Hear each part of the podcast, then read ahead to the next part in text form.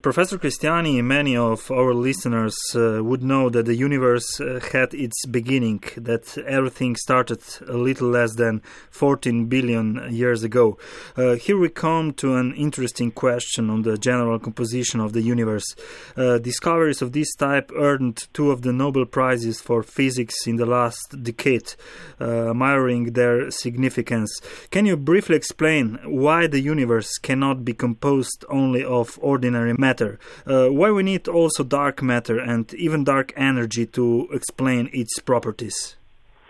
Well, it's a story that started many years ago in uh, around 1933 when uh, astronomers noticed uh, by studying the motions of galaxies in uh, in a big cluster of galaxies called Coma that uh, the motion, the speed of this galaxy was so fast that it could not be explained by the ordinary pull of gravity uh, due to the matter uh, that we see. Uh, in other words, uh, they needed uh, a hundred times more uh, matter than what what could be seen at the telescope, and that's why it, it was introduced this idea of the of having a, a dark matter responsible for, for, for this gravity. Then the same was observed uh, uh, for uh, the motions of stars uh, circling around uh, in uh, in galaxies, around the center of galaxies, and also in during the years it, it was seen that to explain how galaxy forms formed during cosmic epochs, one needed more mass than than, than than what is what is seen, what can be accounted for. Therefore, uh, people uh, had to hypothesize the existence of dark matter, which has been confirmed uh, along uh, the years by many, many other uh, observations. So uh, at the moment, I think we have a good experimental evidence for dark matter. Dark energy is a more recent discovery in, in, the sense that observing uh, uh, supernovae, a special type of supernovae, supernovae type 1a, it was discovered that in the last uh, giga year, in the last uh, billion years, uh, in the, in the, expansion of the universe, uh, the universe starts accelerating. It was thought that the, the universe would accelerate with time, and it was a big surprise when astronomers realized that in the last billion years, uh, the, the expansion uh, has been accelerating, so it's uh, the velocity is growing more and more, and and this is due, uh, it has been hypothesized to a form of energy which is called uh, dark energy. Mm-hmm. Uh, your research is largely focused on the properties of ordinary matter. So we are speaking about the atoms that form also, also ourselves or our listeners. Uh, it is, however, surprising that there is more of such matter in the space between the galaxies than in galaxies, uh, stars or planets, as uh, one would presume.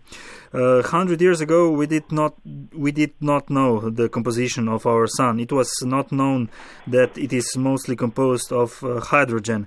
Uh, can you see any similarity with what you are discovering in the space between the galaxies? Well, as a, as a matter of fact, I, it's true that I I'm studying say ordinary matter rather than rather than dark matter, but uh, I'm using uh, this uh, ordinary matter as a tracer of dark matter. It's like uh, uh, Sherlock. I, I, used to say it's like a Sherlock Holmes novel when uh, hmm.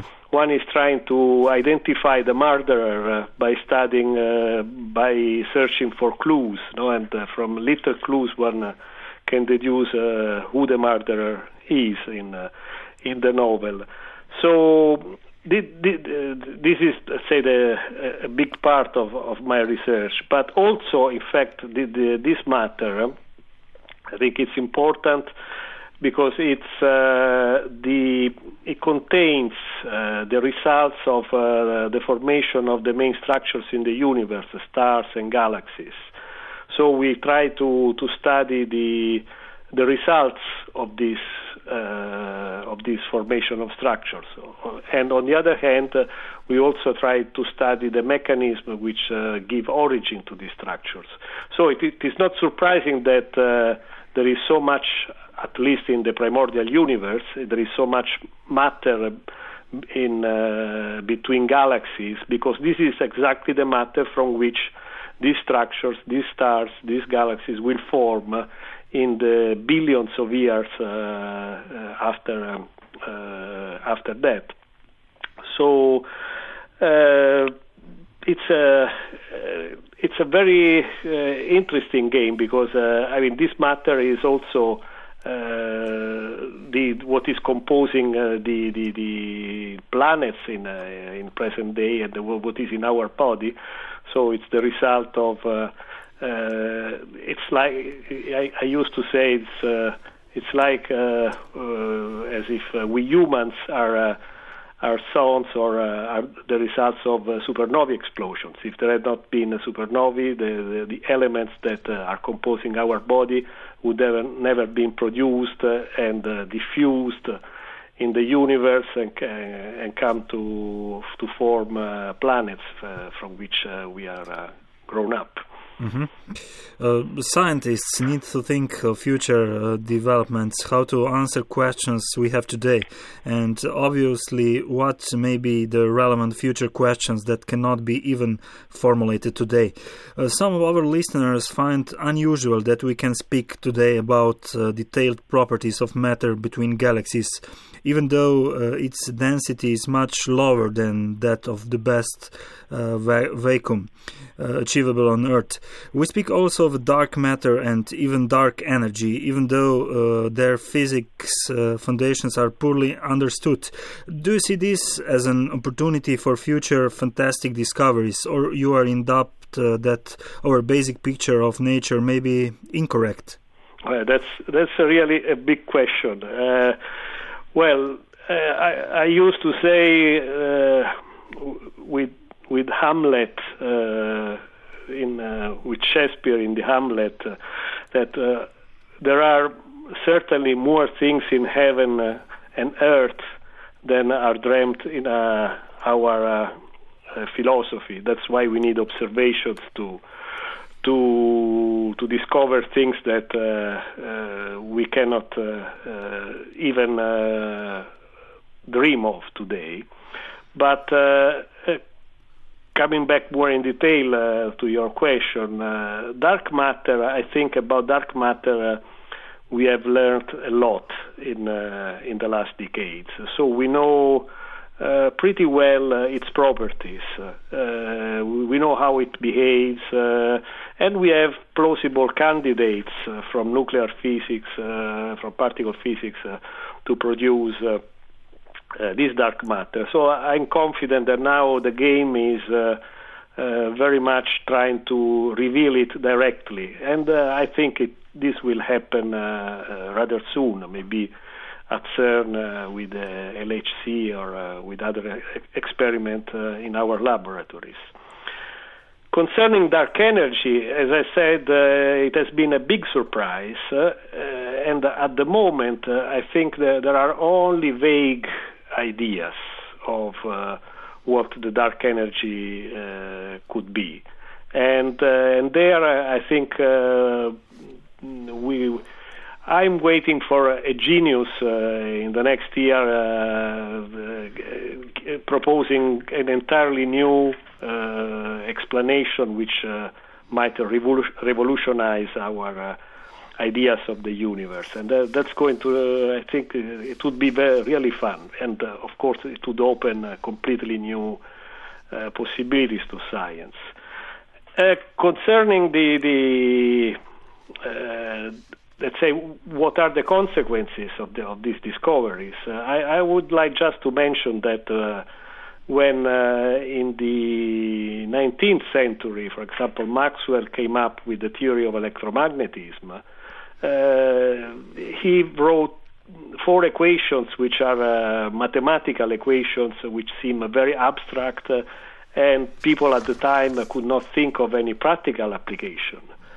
But now, I mean, all the generation of our uh, energy uh, and all the telecommunication, TV, radio, and so on are based on those on those equations that at the time uh, appeared completely, I mean, just theoretical.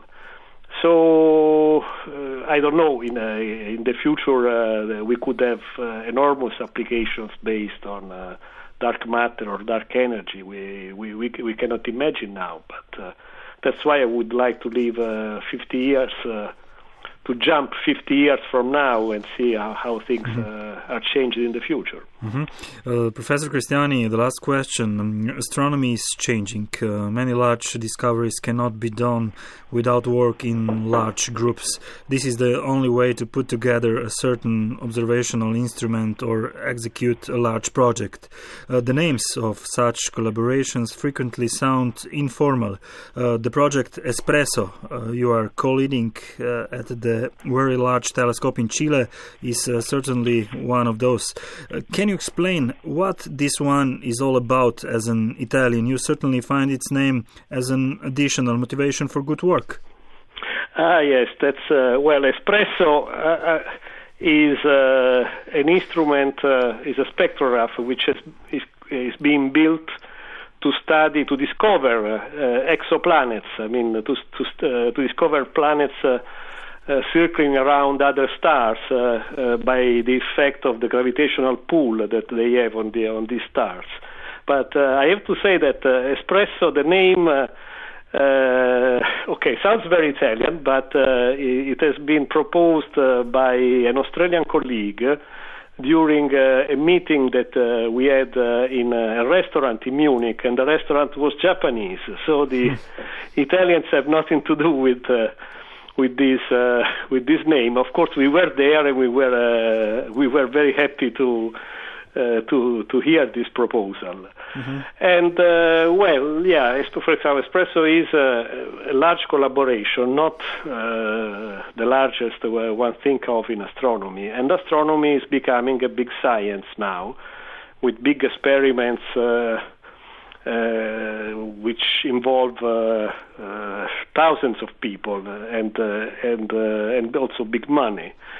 And uh, I mean, I think it's uh, un- unavoidable because if uh, one wants to achieve great results, one needs big facilities and, as I said, lots of people and lots of money. But I think that astronomy also, I think it's important to keep the uh, possibility for uh, for small groups of people uh, also the possibility to, to work and, and produce uh, science because this sometimes it's uh, uh, it's very important to keep high the creativity of people, mm-hmm. and this is, I think, still possible in astronomy. So there is there is possibility to contribute for individuals, and, and, and large groups. Mm-hmm. And uh, that's why I, uh, I, I like so much uh, still to work to work in astronomy.